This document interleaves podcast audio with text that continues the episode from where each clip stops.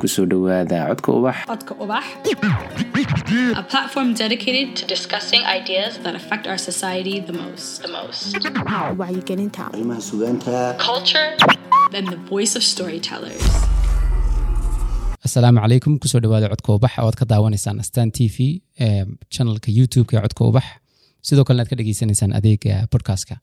Caawa waxaan ka hadlaynaa nidaamka caafimaadka adduunka iyo isku furanka adduunku sida uu saameeyo nidaamka caafimaadka. Waxaa garabkayga jooga oo la jooga caawa doctor cabdishakuur cali maxamed. Doctor cabdishakuur waxa uu ku dhashay kuna barbaaray magaalada hargeysa waxa uu wax ka dhigtay eh, jaamacadda hargeysa oo caafimaadka ama public health uu ka qalin jabiyey. Een, sidoo kalena wuxuu shahaadada imika labaad heerka labaad ee maareynta siyaasadaha caafimaadka. Uu ka wadaa jaamacadda la yidhaahdo eh, james line institute eh, of public health oo imika fadhigeedu yahay switzerland. Sidoo kale eh, waxa uu ka soo shaqeeyey oo qiimeynta barnaamijyada caafimaadka ee dowladda ingiriisku maalgelisa uu kala soo shaqeeyey david Em, waxa uu imika uu yahay madaxa caafimaadka em, qaxoontiga ee hay'adda d r c. Doctor cabdishakuur marka hore ku soo dhawo codka ubax waan dhowahay ismaaciil ubax. Aad baad umahadsan tahay eh, doctor marka hore ku bilownaba eh, adduunku isku furan yahay oo imika sidii eh, konton sano boqol sano ka hor la ahaa lama aha. Wax globalization la yidhaha baa dhacay khasaare iyo faa'iida baa keenay.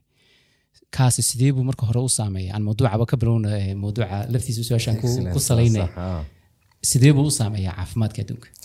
Waa mahadsan tahay ismaaciil ubax. Waanaan ku soo dhowahay barnaamijka codka ubax. Marka la eegayo health systemska ama nidaamyada caafimaadka marka la eegayo marba dhinac baa laga eegaa. Mar waxaa laga soo bilaabaya qofka waxaa watan dee inta badan laga hadlo caafimaadka halka qof khuseeya laleeyahy dadka qofka markuu soo xanuusto ama uu xanuunsanayo khuseeya ee mediciintoo kale dee kan dhakhaatiirtu bartaana waxaa kaloo jirta caafimaadku markuu halkaa ka sii yar kor uga sii baxo in uu gaadho bulsho oo heerka labaad ah oo la yidhaha communityga halkaa wada degan ama population ama mataqaanaa bulshada halkaa degan caafimaadkooda. Marka waa heer caafimaad oo isaguna ka qofka ka sii sareeya waxaa kaloo jirta siday adduunyadu dhinac dhinac u tahay oo adduunyada gobolaysi baa la yidhaahdaa ama imakoo kale ama qaarado africa oo kale bariga africa oo kale hoon africa oo kale iyo dhammaan qaaradahoo dhan. Marka caafimaadka iyo system kastoo kale nololeedba heerarkaas uu qaybsamaa ilaa qof la gaarayo ilaa xagga sare laga soo bilaabayo. Marka marka nidaamka caafimaadka adduunyada la leeyahay nidaamka caafimaadka adduunyada wuu wada socdaa oo marka hore saameyn aanay dadka guduhu dareemayn buu leeyahay nidaamka guud ee caafimaadka adduunyadu oo waxyaabo fara badan ku xidhan xagga deegaanka xagga dadka xagga isdhexgalka bulshooyinka iyo xagga systemska iyo nidaamyadaba. Marka labaad marka waxaa jiri kara iyaguna waxyaabo kaloo fara badan oo adduunyada ka dhexeeya oo caafimaadka si toosa iyo si aan toos ahaynba u saameeya. Marka haddaan taadaa ku noqdo adduunyada globalizationku beri hore u bilaabmay. Globalizationka waxaan uga jeednaa inay adduunku isku socsocdo beri hore u bilaabmay. Isu adduunku isku socsocdona waxyaabo fara badan baa keena. Taasaa markaa toos ula yeelanaysa xidhiir xaggii caafimaadkan ay saameyn keento waayo cuduradii way guurguuraan. Dadkan isu guurguurayana cuduradii way keenaan. Islamarkaana waxyaabaha aadamuhu samaynayaan iyo tadawurka nolosha ay ka samaynayaan ayaa deegaanka saameyn ku yeelata. Saameynta ay deegaanka ku yeelanayaanna caafimaadkii bay saameynaysaa. Horta saasay isugu xidhan yihiin marka globalization oo kale haddii history ku noqono waxyaabo fara badan ayaa keenay muddooyinkii ugu dambeeyey. Waxaa la sheegayo lala xidhiiriyayo kale imika taariikhda marka lagu noqdo silka roadka wadadii xadiidka ahayd ee yurub iyo isku xidhiisay asia trade route ahayd oo keentay isu socod fara badan oo asia iyo yurub ah waxaa kaloo iyaduna jirta imperialismkii waxa la ee gumaystihii yurubiyaanku adduunyada oo dhan ay ku tegeen taasuna waxay kordhisay socodkii adduunyada ee mataqaanaa ee adduun adduun nooluhu inuu isku warwareego. Waxaa kaloo iyaduna ka mid ahayd waxaa taasunbay la socotay wixii la jiray ka ganacsiga addoomaha ee slave trade-ka jiray. Taasina waxay keentay inay adduunyadu ay isku socoto nidaamkan casriga ah ee adduunyada iyo teknolojiyaduna qayb weyn bay ka ahayd inay adduunyadu isku socdaan. Waxaa kaloo jirta historiga ninkii la odhan jiray christopher columbus markii uu yurubiyanka geeyey maraykanka. Uu u raray taasina waxay ahayd ma garanaysaa guuritaan weyn oo number fara badan oo dadweyne iyo yurubihii ay ku tageen maraykanka.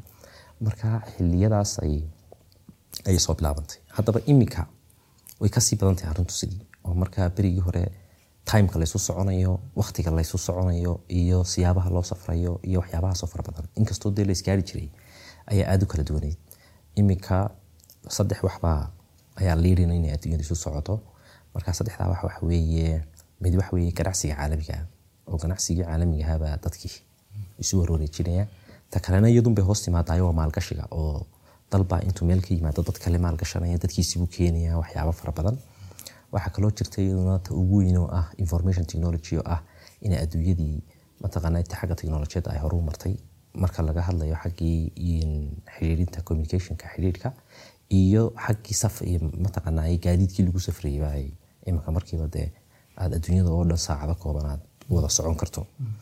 Waxyaabahaasoo dhami markaa waxay xidhiir la leeyihiin laba wax inay xanuunada faafa adduunyada geeyaan. Oo xanuunka faafa iminka waxa la sheegayaa mediavaliska markii lalahaa waqtiyadii dhexe lagu jiray qarnigii shan iyo tobnaad afar iyo tobnaad markii la sheegayey marka uu cudur faafayo waxay qaadan jirtay yeeris bay qaadan jirtay sanaday qaadan jirtay. Waayo safarka intaa leekaa iminka birkii ugu horeysay ee la ogaaday adduunka inuu cuduradu ay si xawliya isaga faafayaan markii diyaaradaha la soo baxay. Iminkoo kale labadii kun iyo labadii sars covid markuu bilowday seventeen hours buu wadamo fara badan ku gaadhay oo china uu ka bilowday ilaa maraykan ilaa canada ilaa singapore. Marka waxay dhahdaan bariga fog ilaa galbeedka. Saacadood ku gaadhay cudur kasta oo faafa oo deg deg u faafayaana saacadaha kooban buu iminka adduunyada ku gaari karaa. Markaas sida saameynta ay leedahay markay noqonayso cudurrada faafa oo ta koowaada waxay noqonaysaa saameyntaasu yeelanaya isuminguurkan iyo mataqaanaa dadkan isdhex socda cuduradii ayaa deg deg u faafaya. Ta labaadna waxa weeye waxay keenaysaa in horumar baa socda iyo tadawur markii adduunyadu isku furantay.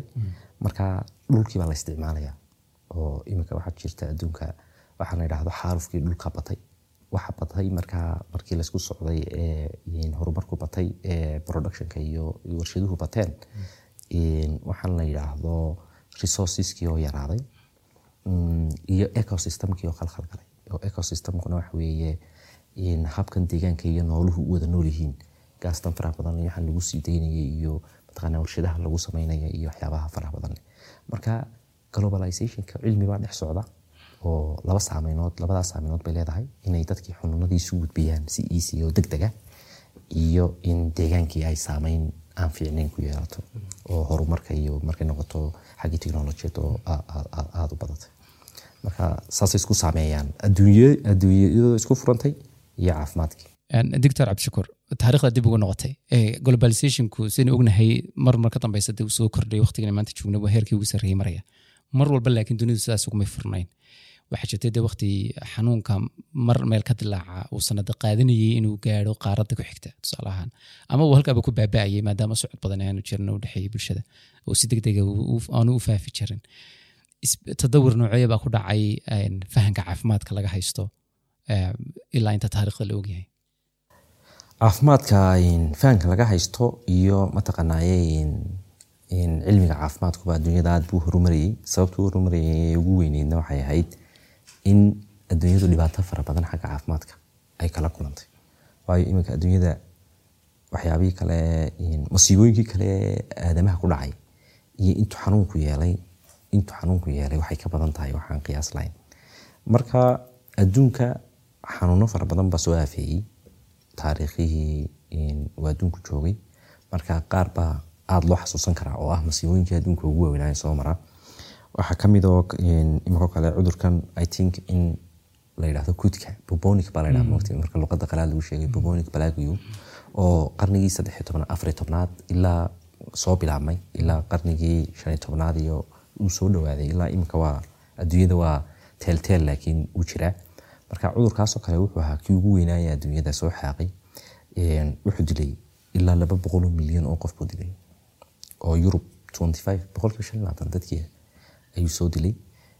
Waxaa kaloo ka mid a cudurrada adduunka saameynaha waaweyn ku yeeshay cudurkan kalooraha la ydhaha daacuunka oo isaguna dhowr jeer soo noqnoqday oo saf safmarba la yidhahda inaga marka soomaaliga laga hadlayo. Waxaa kaloo jirta xanuunkan la yidhaahdo isaguna influensaha ee duriga ah oo isa soo badbedela markuu isa soo bedele uu jirhku la qabsadaba uu nooc kale soo noqdo. Waxaa kaloo jirta h i v aidiska oo isaguna soo baxay qarnigii sagaaliyo tobnaad soo baxay.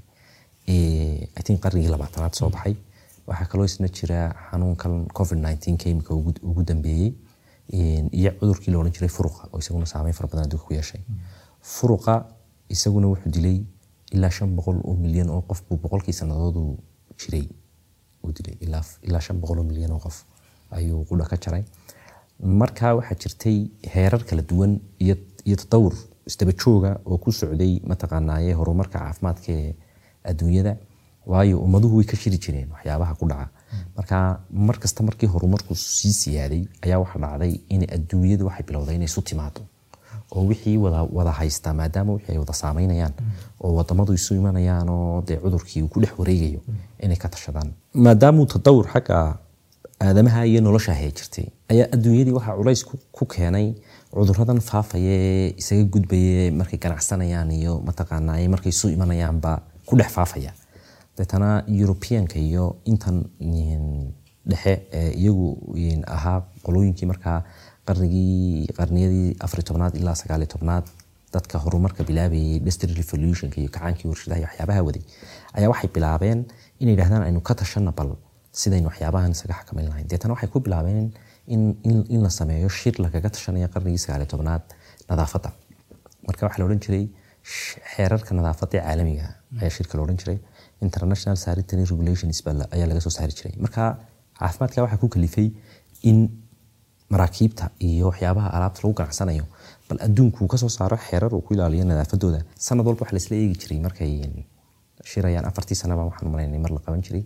Marka waxaa la eegayaa maxaa soo kordhay maxaynu ka bedelnaa saynu bahalaynaa shirarkii caalamiga ah ee xeerarka nadaafadda lagu xakameeyo ama dee lagu ilaaliyo ayaa ilaa kun sagaal boqol koob kontonkii socday ee qarnigii sagaal iyo bilaabmay.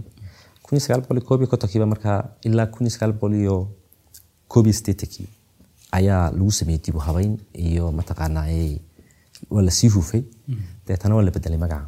Waxaa loo bixiyey xeerarka caalamiga ee caafimaadka. Marka waxaa la yidhi si aynu uga sii dhigno wax dee sii la sii cayimanoo caafimaad khuseeya. Nadaafadaba ha laga saaro caafimaad ha laga dhigo. Marka magacii baa la bedelay. Marka waxaa laga dhigay international health regulations. Halku markii hore ka ahaa international sanitary regulations international health regulationka markaa markii la soo saaray waxaa adduunyadu isku raacday in saddex cudur la soo report gareeyo oo focuska la saaro sidii loo xakameyn lahaa.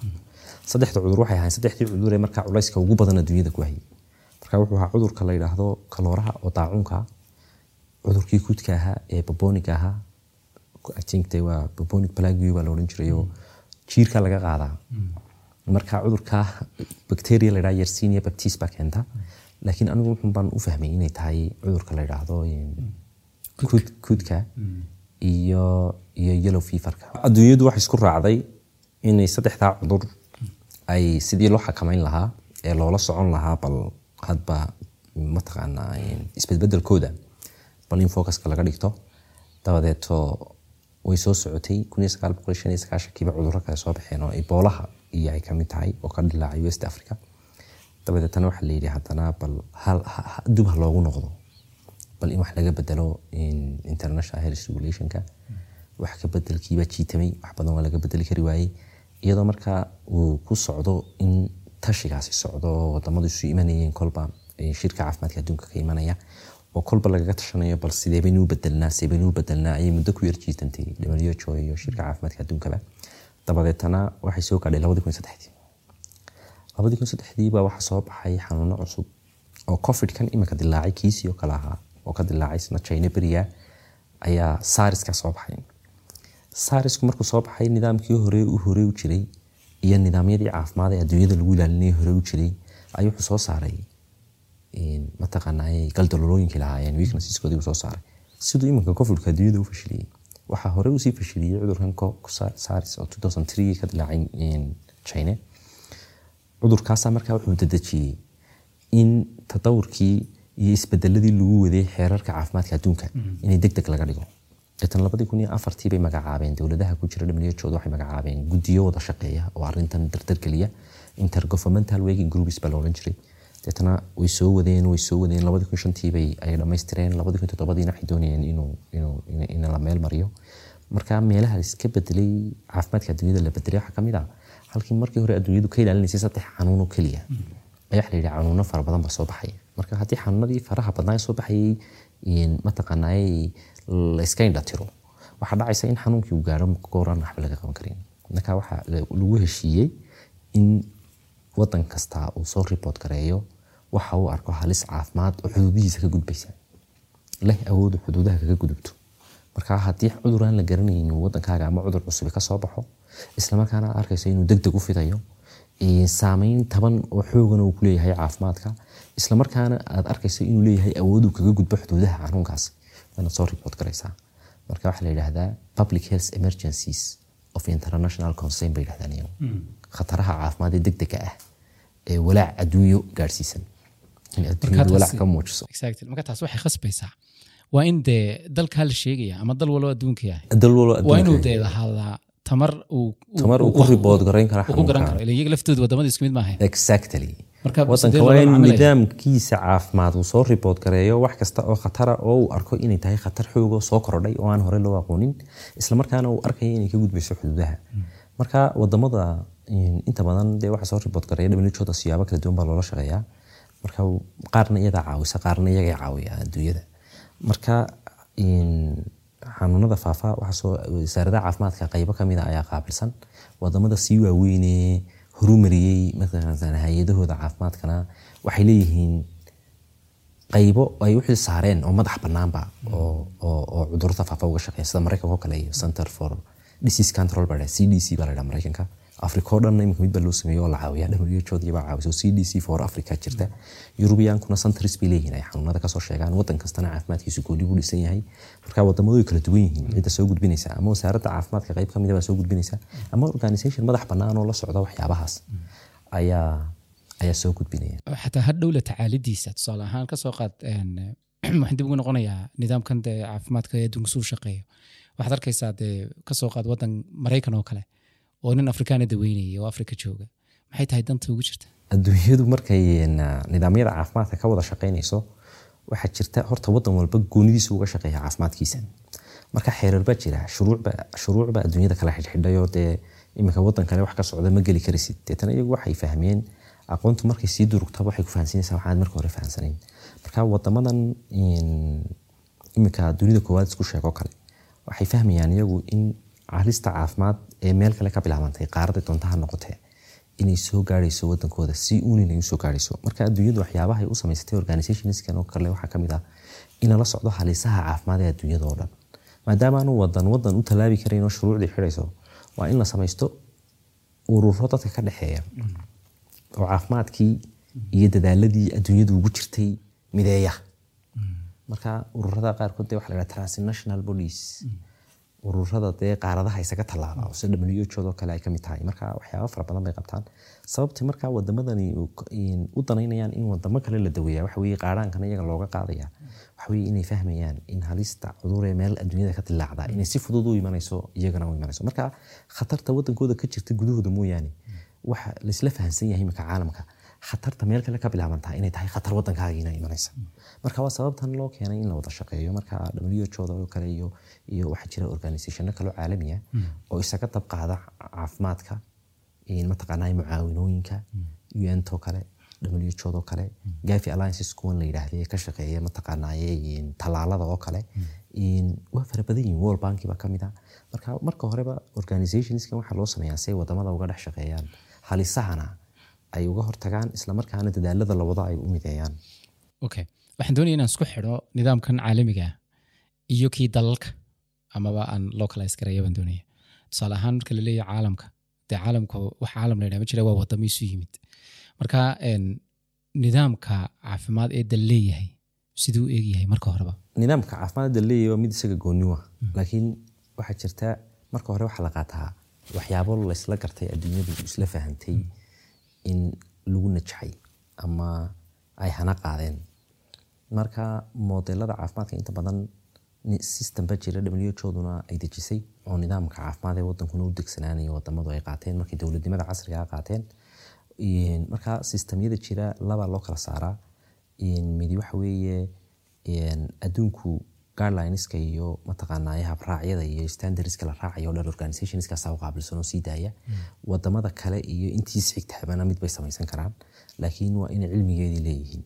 Marka wadanka gudihiisa markay noqonayso modeliska iminka caafimaadka nidaamyada caafimaadka ee waddamada ka jira marna waxaa la eegaa adeeg bixinta heerarka adeeg bixinta la eegaya marna waxaa la eegayaa nidaamkan mataqaanaa maalgelinta labadaa habbaa loo kala saara marka qiimeynta marka lagu sameynayo marka nidaam caafimaad ee dal loo sameynaya marka nidaamkan dowladnimada casriga baan ka sheekeynaya heerar marka la eegayo xagga adeega heerar baa laga dhigaa. Marka waxa weyaan caafimaadka hoose ee asaasiga iyo caafimaadka sare. Marka haddaynu luqadda qalaad ku sheegno midna waxa la dhaha primary health care midna waxa la dhaha secondary health care. Marka secondaryga laba loo kala saaraa. Mid sii sareeya iyo mid dhexe oo secondary iyo tertiary bay noqonaysaa marka waxaan uga jeedaa nidaamkaasi waa marka laga eegayo xagga adeeg bixinta marka laga eegayo. Marka maxay kala yihiin marka adeeg labadaas. bixinta haa, waxay kala yihiin nidaamka asaasiga primaryga ah waxa weeyaan kan xanaanooyinka. Waxaa lagu daweeyaa xanuunada fudud. Ee qofku waa meesha ugu horeysa uu caafimaad marka ugu horeysa adduunka systemka caafimaadka uu tago. Marka waa xanaanooyinkan iyo xarumahan caafimaadka ee la sameeya la yidhaha primary. Marka laba wax buu qabtaa primarygu. Cudurrada fududna intaanay xumaanin waa lagu sii daweeyaa isla markaana bulshadu dhex galaayo waa halka lagaga sii hortago xanuunada oo mataqaanaa bulshada ayuu wuxuu siiyaa warbixin xagga caafimaadka health education baa la dhahdaa marka labadaas ujeeday ugu waaweyn waxa qabta caafimaadka asaasiga ah oo loogu talagalay dadka in wacyigelin la siiyo si ay xanuunada uga hortagaan isla markaana xanuunadu intaanay noqon dee xanuunka aanu qofka soo ridanin in lagu sii daaweeyo. Marka laba faa'iido leedahay arrintaas. Waxay labada faa'iido leedahay leedahay in xanuuno badan inay dadka ku dhacaan laga baaqsado marka qofkii wacyigelin loo sameeyo xanuunkii la baro oo mataqaanaa iyagu sidii looga hortagay la baro nambarkii dadkii soo xanuunsanayay horta halkaa way yaraanayaan. Ujeedada labaadna waxa weeye intii soo xanuunsatay ayaa intii wax laga qaban kara waa laga qabanaya wax yaraanaya nambarka il darnaanaya aada u liidanaya xumaanaya xanuunku soo ridanayo u gudbaya marka heerka kale. Heerka labaad u gudbaya ayaa yaraanaya. Marka nidaamka caafimaadka ee primaryga markaan joognay asaasiga labada faa'iido leeyahay maxay noqonaysaa? In dadkii xanuunka ku dhacaya yaraanayaan oo dee marka health education la sameeyo wacyigelin la sameeyo in- inay yaraanayaan dadkii cudur ku dhacayay isla markaana kuwii soo xanuunsadayna ay dhibaatadoodii la sii maaraynaya intaanay weynaanin oo kharash badanna baajinaysa dadkiina ka baajinaysa inay dhibaato fara badan soo gaadho qaybta labaad waa isbitaalada oo secondary health care baa la yidhaha. Marka qofka waxba lagaga qaban kari waayo primaryga ayaa loo gudbiyaa. Marka waa heerka labaad ee caafimaadka. Marka heerka labaad waa secondary health care baa la yidhahdaa In- inaga waddankeena aan tertiary lahayn baan filayaa. Tertiary wax weeyaan marka la sii kala saarsaaro xanuunada ee xarumo gaargaara loosii sameeyo cudurrada qaar ee mataqaanaa weliba aad advanced u ah oo mataqaanaa aada u horumarsan. Marka marka heerka adeeg bixinta laga hadlay saasaa loo qaybiyaa. Heerka maalgelintana way ka duwantay iyadu marka iyadana modelis baa la qaataa. Waxaa la qaataa noocyo kala duwan oo caalamka la soo saaray. Mm, mid waxaa la dhahaa Beveridge, eh, system baa la dhahdaa oo xagga maalgelinta weeyaan. William beveridge nin la dhahaa ingiriisa baa keenay. Marka nidaamka dowladda maalgelinaysa caafimaadka oo waxay ka maal- maalgelinaysaa eh, nidaamka cashuur bixinta ka maalgelinaysaa betmith mid la isaguna jira model oo isaga laftiisu aan ka aada uga duwanayn oo isagana insurance oo kale ah oo qofkii inta wax laga jaro ma garanaysaa kuwii shaqaalaha iyo waxaa lacagtooda laga jaro haddana caafimaad iyaga loogu bedelo. Habka saddexaad waa habkan insurance-ka la yidhaha oo in dadkaba la insurance la geliyo dowladdu lacagta bixiso laakiin private companies laga la siiyo oo private companies ay ka shaqeeyaan. Habka afraad habkan aynu inagu u shaqeyno out of bucket model baa la yidhaha marka waddamada dhaqaalahoodu yaryahay ee aqoonta ku yartahay baa isticmaala. Oo wax weeyaan inaad caafimaadka iibsato oo lacagta jeebadaada ku jirtaa intay leeg tahay inuu leegyahay caafimaadkaad helaysaa. Haddii markaa lacag aanad haysanna dee aad dhimanaysaba oof baad u dhimanaysa hofkaad u dhimanayso mid baa jirta. Een, marka waxaa la odhan karaa sidaan hadalkaa- kala dhex baxay. Tusaale ahaan adeegyada caafimaadka marka la qiimeynaya ee wadan leeyahay waxay u kala horumarsan yihiin bay noqonaysaa. Sida adeegeeda caafimaad ee koobaad kan primariga aad sheegtay, Ee xanaanooyinka- asaasiga ah yuu ee horumarsan yahay. Ah, ee culayska looga qaaday. Kii ah secondary-ga isbitaalada ah. ah. ayuu wadamadu u kala horumarsan yihiin. Inaga waxaad moodaa marka inagu secondary baynu ku tiirsanayba secondary-ha waa khalad fahanka aynu hayno. Waxaa leeyahay dhakhtar wanaagsan inaan helo cisbitaal fiican bay dadkeenu daytaan cisbitaal inuu qofku u gudbaaba marxalad adaga waxaa laga hortegayaa adduunyada waxa awoodda la saaraa ca- caafimaadka asaasiga baa awoodda la saaraa. Xanaanooyinka la badiyaa marka waana halka laga qiimeeya caafimaadka. Oo imika marka caafimaadkii la leeyahay wadankan caafimaadkiisa saynu u qiimeynana amaba sanadkan waxaa caafimaadka la qabtay si yaroo fudud baa loo garan karaa wixii la qabtay. Waayo waxa waxaa wax ku darayabaa la eegaa. Marka waxaa la eegayaa maadaama uu caafimaadkii dadku ku tiirsan yahay caafimaadka asaasiga uu ku tiirsan yahay imise xanaanaa la dhisay? Dadkii meel deganiba imise xanaanay haystaan? Waa la isla yaqaanaa waxaa adduunka jira standards iyo heerar lagu qiimeeya jira. Dadkii halkaa deganba intaasoo xanaano waa inay helaan. Dadkii intaa deganba intaasoo dhakhtar waa inay helaan. Dadkii intaa deganba waa inay helaan. Mataqaana xarun caafimaad standardkeedu nooca yahay. Marka health xarumaha caafimaadka yaryar ee xanuunada basica lagu manage karayo. Isla dadka warbixinaha caafimaadka ay ka helaan wacyigelinta sameeya. In la badiyo la tayeeyo dadka jooga la tariingareeyo aada loo tababaro taasaa keenaysa inuu caafimaadkii hoose xoog noqdo. Markuu caafimaadkii hoose xoog noqdana waxaa dhacaysa in da- dadkiina kharash iyo culays ka baaqdo islamarkaana bulshadii ay xanuuno fara badan oo ku faafi lahaa ama ku dhici lahaa ka baaqato ay yeeshaan dhaqan wanaagsan oo caafimaad ay yeeshaan islamarkaana ay yaraataba ama uu yaraado culayskii u gudbayay heerka labaad ee cisbitaalada waaweyn. Inka waa sababta khaladka inagu wacan waxaynu odhanaa cisbitaal fiican ma haysano maxaaba qofku hadduuba soo gaadho adduunka in la qalo in sawir weyn la saarayo inuu inuu u baahdo icu intensive care unit inuu u baahdo. Waxa weeye morbidity baa la yidhaha already qofkaasi dee waaba dhaawacbaba dee soo gaarayba marka inta badan adduunka waxaa loo kala horumarsan yahay saa sheegayso sida caafimaadka aasaasiga ahi u horumarsan yahay baa loo horumarsan yahay. Marka doctor cabdishakuur waxaad sheegtay in imika dee la adkeeyo eh, caafimaadka asaasiga ama ka primariga loo yaqaano Adkeeya. maxaa kale saameeya caafimaadka noocaas waxa saameeya iminka caafimaadku waxyaabo fara badan oo kale. Ayaa iyaguna saameyn ku leh oo haddii caafimaad keliya laga shaqeeyo oon kuwa laga shaqaynin aanu caafimaadkii wanaagsanaan ama caafimaadkii dib u haynaya waxaa ka mid a leefalka nololeed ee dadka oo iminka bufartiga ka mid a marka bufartigu waxay u saameynaysaa iminka faqri faqriga oo kale wuxuu u saameynaya qofkii xanuunba markiiba uu halis u yahay maadaama aanu cuntadiisi wanaagsanayn habdhaqankiisi aanu fiicnayn in mataqaanaa meeshu ku noolaana aanay wanaagsanayn oo imika kale dadka faqiiriinta hygienekii oo kale marka nadaafadii ma wanaagsana. Cuntaday cunayeen ma wanaagsana. Marka qofkii muxuu nugul yahay inuu xanuun ku dhaco muxuu nugul yahay inuu xanuun ku faafo ila noloshii baan wanaagsanayn. Waxaa kaloo iyaduna saameyn kule caafimaadka waxbarashadaa saameyn weyn kule caafimaad. Marka dadku inaanay waxba baranin waxay eh, ka qayb qaadataa inuu xanuunku qofka ku dhaco inuu qofku si, xanuun qabta si aan wanaagsaneyn uu u noolaado in uu qofku u nuglaado inuu xanuun ku dhaco. Waayo halistii ma garanayo. Qofku khatartaba ma yaqaanaba qofku markaan waxba baran khatartii ma garanayo xanuunadii ma garanayo sida la iska ilaaliyo ma garanayo quality life nolol mataqaanaaye tayale kuma noola. Marka mar walba wuu uga nugul yahay qofka wax ee nidaam galay in- inuu xanuun ku dhaco. Taasina waa talabaad. Waxaa kaloo ka mid a waxyaabaha saameeya life stylekii oo kale. Waxaa kaloo saameeya economicii dhaqaalihii waa inagii soo sheegnay. Waxaa kaloo saameyn kule caafimaadkii. Cimiladii. Climate change imika waxay keenaan toos bay ula xiriiraan xanuunada. Oo dee abaarihiiba tusaale ahaan intay soo galaan. Qofkii ku khasbaya eh, maxaa la dhahdaa uu barakaco meelaan meeshiisii ahayn tago biyo la'aan. biyaha intuu helaan aanay nadiif ahayn tusaale ahaan. xoolihii wax kaga dhinteen. En, dadka laftoodii gaajo mar dee u dhimanayaan Exactly. ya marka wa- waa runtii is- iyo iyo deegaankii laftiisii marka imiko kale de waxaa tiri marka qofka dhaqaalihiisu bulshada markay dhaqaaliheedu korto caafimaadkeeduna loo koraa Ha. fahamkan ka fa- aan ka helina waa kaa waxaan xasuustaa eh, warbixin aan beri akhriyey china ayaa shiinaha waxaa dhacay dhaqaalahooda ayaa ayaa middle middle classka. Ayaa korayay. Marka kor bay u kaceen. Waxay keentay saameyn kale oo tabanoo markii xanuunadii waa runa way ka korayaan haddana waxay u koreen macaan iyo diabetes oo lifestylekan cusub ay galeen. Ayaa haddana isbedelay wuxuu la yimid xanuuno aanay hoostii aan ka jirin. Exactly. Laakiin ka jira halkan yimaadeen imika oo la duruufo ah haddana meeshay u soo haddana la duruufa marka iyada lafteeda waxaa ka iman kara kale. Lafteeda ha marka dee adduunku kolba xarxalad galo. Health educationka haddana la soconaya. Taa lafteeduna waxay u baahan tahay in haddana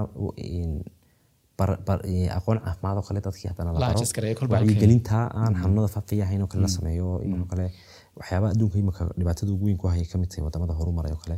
Non communicable diseases baa la yidhaha xanuunada aan laysu gudbin marka xanuunada aan laysu gudbin waddamada warshadaha leh ayay iyagana dhibaato ku yihiin wadamadan faqiirka warshadaha lahaynna wax dhibaato ku ah xanuunada la isku gudbiyo communicable diseaseska marka adduunkii dee saasuu mar walba isaga dhibaatadii way jiraysaa laakiin mar walba sida loola tacaalaya waxay ku xidhan tahay sida nidaamka caafimaad ee dalkaagu uu ula mid yahay dhibaatooyinka ku haystay duruufaha ku haysta diyaarsan yahay marka waddamada marka la isbarbardhigayo tusaale ahaan heerkooda caafimaadka ku taagan yahay maxaa lagu qiimeeya inuu yahay iyo in kale sida loo eegaya waxyaabahan faraha badan leen kuu sheegay caafimaadka saameynaya iyo nidaamyadan caafimaadku waa kuwa sheegaya dee wadan kasta nidaamkiisa caafimaad sida uu horumarsan yahay.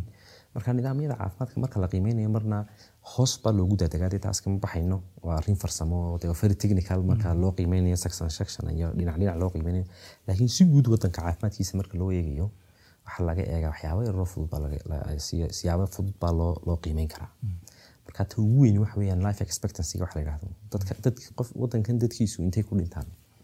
Marka wadan walba wadanku ka caafimaad iyo nolol wanaagsan yahay dadkiisu way ka da waaweyn yihiin da-da dhimashada. Imika kale wadamadan advancedka ah ee warshadaha le aadka horumaraya caafimaadka hore uga shaqeeya.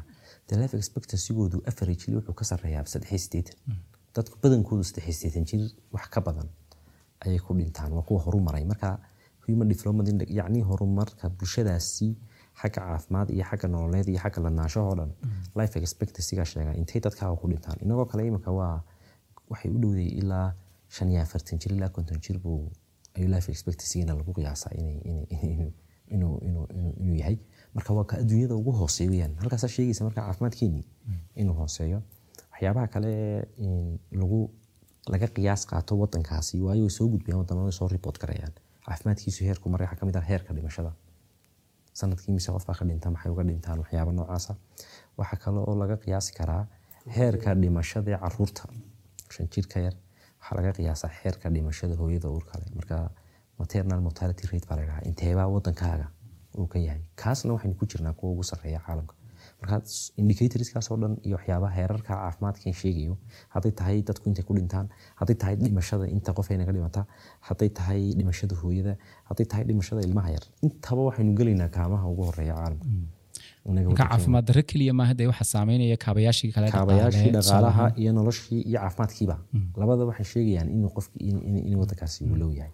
Marka maadaama isku xidhan yihiin oo ay uu jiro xiriir ka dhexeeya caafimaadka iyo dhaqaalaha bulsho leedahay miyaan la odhan karin caafimaadku waa siyaasad boqolkiiba boqol caafimaadku waa siyaasad waayo caafimaadka iyo siyaasaddu adduunka aad bay isu saameeyaan waxaa jirta iminka waxyaabaha inta badan laga shiro shirarka caalamka adduunka waxaa ka mid a in saameynaha taban ee siyaasaddu ku leedahay caafimaadka in, in, in, in, in barsidii looga hortegi lahaa loo yareyn lahaa la dhimo waxaa jirta iminko kale in dee caafimaadka laftiisina siyaasadaha mar walba loo dejiyaa lagu hagaa siyaasadihii kale socday iyo waddamada iyo ganacsiguna aad buu caafimaadka u saameeya oo imika kale world trade organizationka een, ururka ganacsiga adduunku saameyn buu ku leeyahay caafimaadka saameyntuusa buu ku leeyahay. Waayo shirkadahan imika deegaanka iyo nolosha dadkaba caafimaadkaba saameyn weyn ku leh ayaa world trade organizationka iyaguna qayb ah. Deetana imika kale imika waxaan tusaale ugu soo qaadan karaa loobinka ay sameeyaan shirkadaha sigaarku. Waa ka adduunka imika caafimaadka dhibaatada ugu badan ku haya xeerarka caafimaadka ayay shirkadaha sigaarku ay ka loobin gareeyaan inay bedelaan iyagu. Deetana xeerarkii caafimaadka dalka markay ka loobin gareeyaan in sidii ay iyagu ka faa'iidayeen loo dhigo waxay cadaadis ku hayaan horumarkii intii caafimaadka iyo mataqaanaaye xeerarkii caafimaadka lagu horumarinayba waxay ku hayaan cadaadis. Marka saameyn toosa bay ku leedahay caafimaadka laftiisana adduunyada oo dhan siyaasad baa hagta. Siyaasaddaasina waa mid heer caalami iyo mid gudahaaba ka timaada islamarkaana siyaasadihii kale iyo ganacsigiiba saameyn taban iyo tutogan bay ku leeyihiin caafimaadkii. Marka waxaan oo dhami waa wax isla wada socda oo mataqaanaa isa saameynaya weeyaan. Iyadoo bini aadamku dee intuu noolaaba caafimaad raadinayay oo intan u dambeysayna dee qarniyadii u dambeeyey qar- ama qarnigii u dambeeyey ilaa iyo maantana dee ay organisation la soo sameynayey horumar la gaarayay. Haddana si caafimaad loo helo haddana caafimaadka laftiisiibaa hub ahaan loo isticmaali karaa. Imkoo kale coronaviruskoo kale markii uu samaysmay waxaa la lahaa dee eh, ugu talagaleen shiinuhu inay soo daayaan. Dee arrin siyaasadeed bay heda buuq dhalisay. Ilaa imika dee dowladaha qaar aaminsan yihiin. Ilaa imika ingiriiskoo kale waxa uu doonayay inuu een, uu magdhow ka qaatayo een, shiinaha oo kale maadaama arrin noocaas sameeyeen. Shiinuhu hadday u bareereen tusaale ahaan ka soo qaad. Dee waa hubde Eh, marka caafimaadka laftiisa caafimaad darradii baa hub noqonaysaa. eh, iyadoo adduunku la tacaalayay haddana caafimaad daro tusaale ahaan biological weapons baa la isticmaalaa bulshadan hidasidahooda wax ka bedeli karta marka waa waa waa iyada lafteedu waxaad moodaa in wanaagii iyo xumaantii laftooda islaynayaan oo iska hor imanayaan arrimahaas way jiraan arrimo laakiin la cadeeyey oo adduunku isu cadaystay maaha biological weaponka waa la bilaabay dagaalkii qabaabay adduunka la bilaabay tijaabadii ugu horreysayna waxaa waday qolada sofiyeetka deetana waxyaabihii heshiiska laga gaadhay sida nuclearko kale ay ahayd inaan biological weapon adduunka loo isticmaalin. Laakiin wax possible oo dhici kara in la bedbedelo xanuunada ama xanuuno cusub la keeno ama xanuuno resistana adduunyada lagu soo faafiyo. Marka waxa weeye laakiin marka covidko kale waxaa loo badinaya inuu sidiisa isaga dilaacay. Rumors baa jira iyo waxyaabo warar adduunka laisla dhex marayo oo ah waa loogu talagalay in san la sameeyo. Laakiin waxaa la cadeeyey cad oo cidi cadaynayso la leeyahay ciddaasaa lagala xisaabtamaya way caddahay laababkaasaa lagu soo hagaajiyey saasaa loo soo bedelay ilaa imika ma jirto. Laakiin way jiraan wax adduunyada. Laakiin mar haddii possibilitygii jiro inagu ma lihin teknolojiyada in waxaa ku cadayno adduunyadan waxyaaba badan baa dee aan eh, haddii go'aan laga gaaraya ay tahay dee in dee wax laga fiirsada ay noqoto oo saameynta kale keenaysa ay ka badan tahay. Marka xanuunada imika kale waxyaabo fara badan baa bedela oo imika waxaa la filaya adduunka maadaama cimiladii climate change uu dhacayo. In xanuuno fara badan soo baxaan emergence of new diseases baa la marka xanuunadii iyagiiba isbedbedelaa marka xanuunku markuu jirka biniaadanka ku dhacu ka baxo kolba soo noqdaa wax- waxaa ku dhacda waxa la mutation way doorsoomaan marka doorsoonkaasi caafimaadkii saameyn buu kuleeyahay saameynta kuleeyahay waxa weeye jirka biniaadanka uu bartaa xanuunada. Marka jirkii biniaadankii xanuunkii hore bartay markuu doorsoomo haddana mar hadduu mar barto xanuunku uu kugu soo noqdo waa laska difaacaa marka xanuunka dhibaatadiisi baa yaraanaysa. Laakiin hadduu doorsoon sameeyo xanuunkii jirkaa uu garanayn baa kugu soo noqonaya haddana xanuunkii baa kugu dhacaya. Marka waxyaabaha imika waxa loo tiriyaa climate change oo kale wuxuu keenay waxaan la yidhaahdo inay xanuunadii iyagiina waa noole oo waa dulin. Noolihii marka cimiladiis bedesho wuxuu soranayaan la falgal. Falgalka uu la falgalayo xanuun cusub buu noqonayaa. Xanuunkaa cusubee noqdayna muxuu adduunyadii xanuun cusub buu ku noqonaya deetana markaasuu si xanuunkana sababaha aan loo xakamayn waxaa ka mid ah xanuunka cusub. Wuxuu keenayaa mudday qaadata xanuunka in la ogaado mudday qaadata xanuunka in la daraaseeyo mudday qaadataa in xanuunka tallaal loo soo saaro mudday qaadataa in xanuunka inta research iyo cilmi baadhis la sameeyo. Dawo loo helo. Marka maxay keenaysaa? Xanuunada cusub dhibtaasay leeyihiin inta la baarayo ee cudurkii la baarayo ee la ogaanayo noocuu yahay ayuu ku sii tusaale ahaan h i v aids oo kale.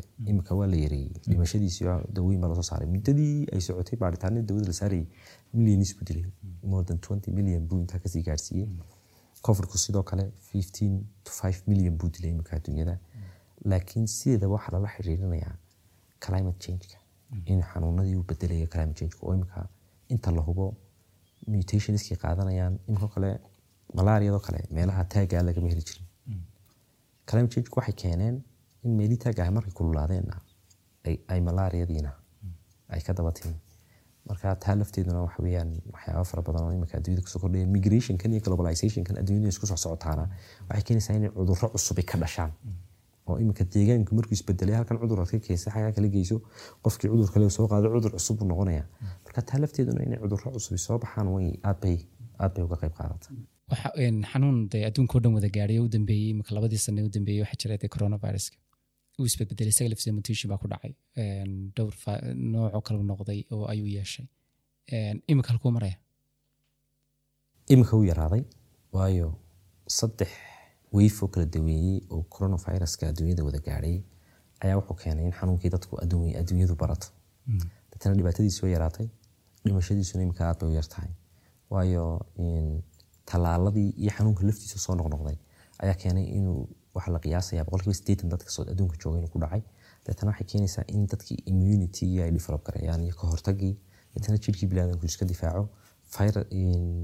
Dad fara badanna waa la tallaalay adduunka imika marka vaccinationka iyo tallaalka adduunyada la tallaalayna wuxuu keenayaa inuu cudurka saameyntiisa yareeyo. Marka sanadkan labada kun iyo afar labaatanka waxaa laga yaabaa in adduunyadu sideedii hore ku soo noqoto. Ama saddex iyo labaatanka oo xitaa la iska daayo imika mataqaanaaye taraafil dukumadiyada mataqaanaaye dee bahaladan la isku xidhayo imika tallaalka iyo baaritaanada iyo waxaasoo dhan.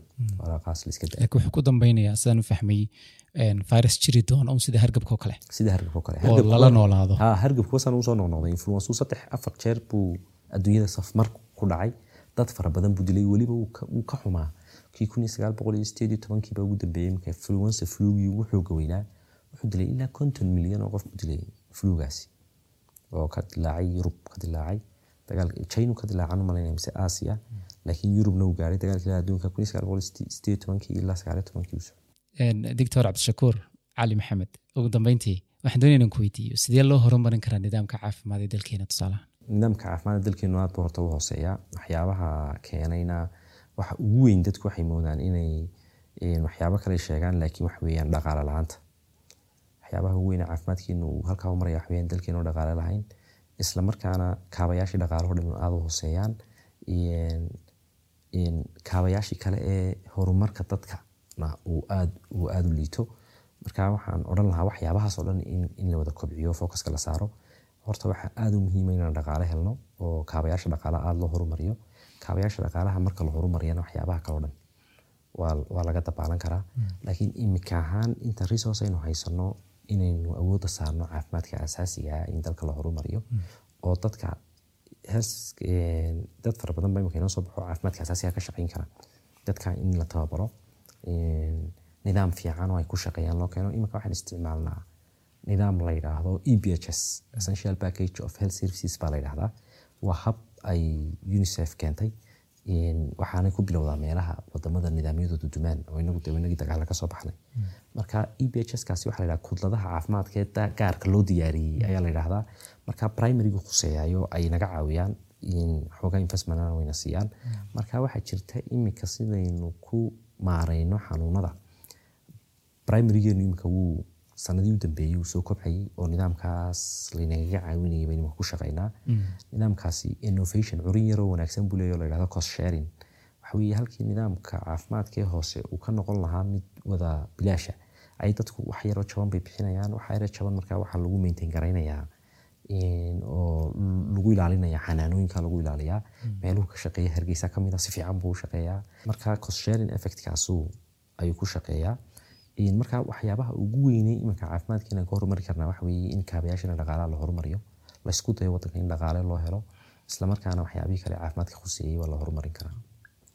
Marka laga tago taariikhdaad maantana ka sheekeynaysay marka laga tago tadawarka caafimaadka adduunku sameeyey marka laga tago sidaad isu saameeyaan ka caalamiga iyo ka dalka marka laga tago waxaasoo dhan oo runtii aan anaga lafteed u baahan inaan dib u dhegeysto barnaamijka si aan aan macluumaadkan aan mar labaad aan u helo waxa haddana aan ka fahmayaa oo qodobka laga qaadanaya aan is leeyahay waa muhiim uu yahay inaanu caafimaadku hayn wax meel iska taagan keligii.